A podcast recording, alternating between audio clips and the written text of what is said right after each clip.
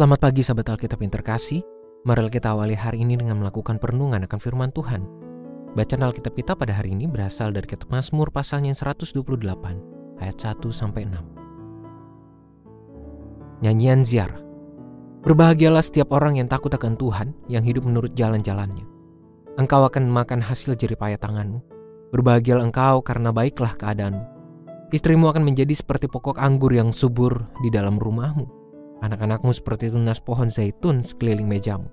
Sesungguhnya demikianlah akan diberkati orang yang takut akan Tuhan. Kiranya Tuhan berkati engkau dari Sion, supaya engkau melihat kebahagiaan Yerusalem seumur hidupmu, dan melihat anak-anak dari anak-anakmu, damai sejahtera atas Israel.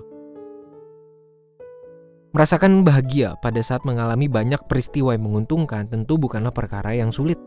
Sebagai umat Tuhan, kebahagiaan itu pun sangat cepat mewujud dalam ungkapan syukur penuh sukacita kepada Tuhan.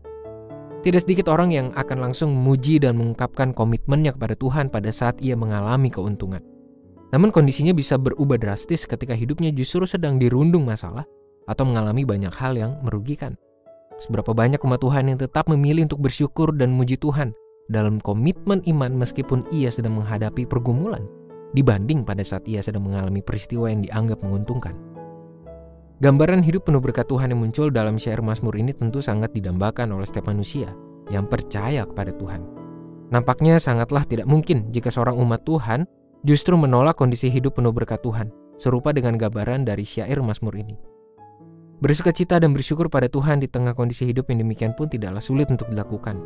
Setiap orang yang ada di dalamnya tentu akan sangat percaya diri dan seolah begitu meyakinkan menunjukkan komitmen imannya kepada Tuhan.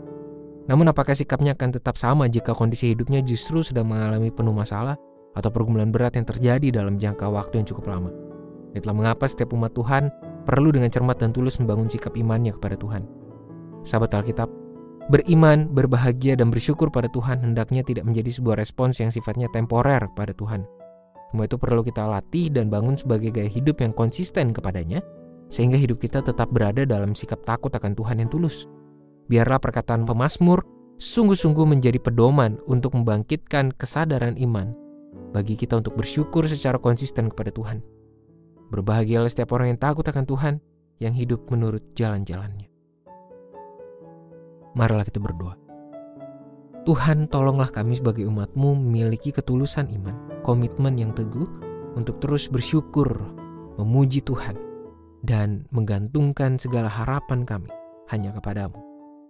Biarlah kami boleh menjadi umat yang terus setia. Hanya dalam nama Tuhan kami Yesus Kristus kami berdoa menyerahkan kehidupan kami.